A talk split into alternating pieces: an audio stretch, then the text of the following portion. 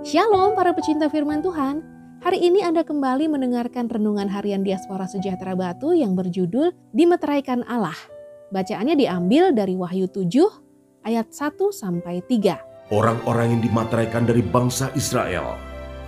Kemudian daripada itu, aku melihat empat malaikat berdiri pada keempat penjuru bumi, dan mereka menahan keempat angin bumi, supaya jangan ada angin bertiup di darat, atau di laut, atau di pohon-pohon.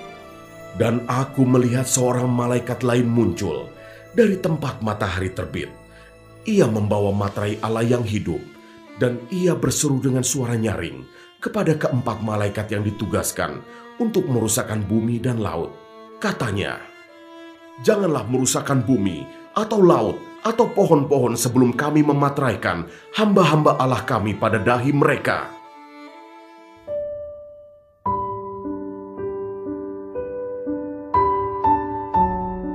Katanya, janganlah merusakkan bumi atau laut atau pohon-pohon sebelum kami memuteraikan hamba-hamba Allah kami pada dahi mereka.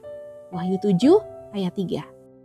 Orang-orang yang percaya kepada Allah harus memiliki kesadaran bahwa mereka harus rela hidup sesuai dengan ajaran-ajaran Tuhan.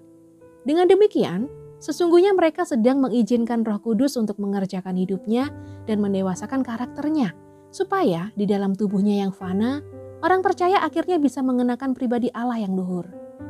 Ketika orang percaya memutuskan untuk dibaptis, sebenarnya mereka telah dimeteraikan oleh Allah. Artinya, hidup mereka bukan milik mereka lagi, tapi sudah jadi milik Kristus.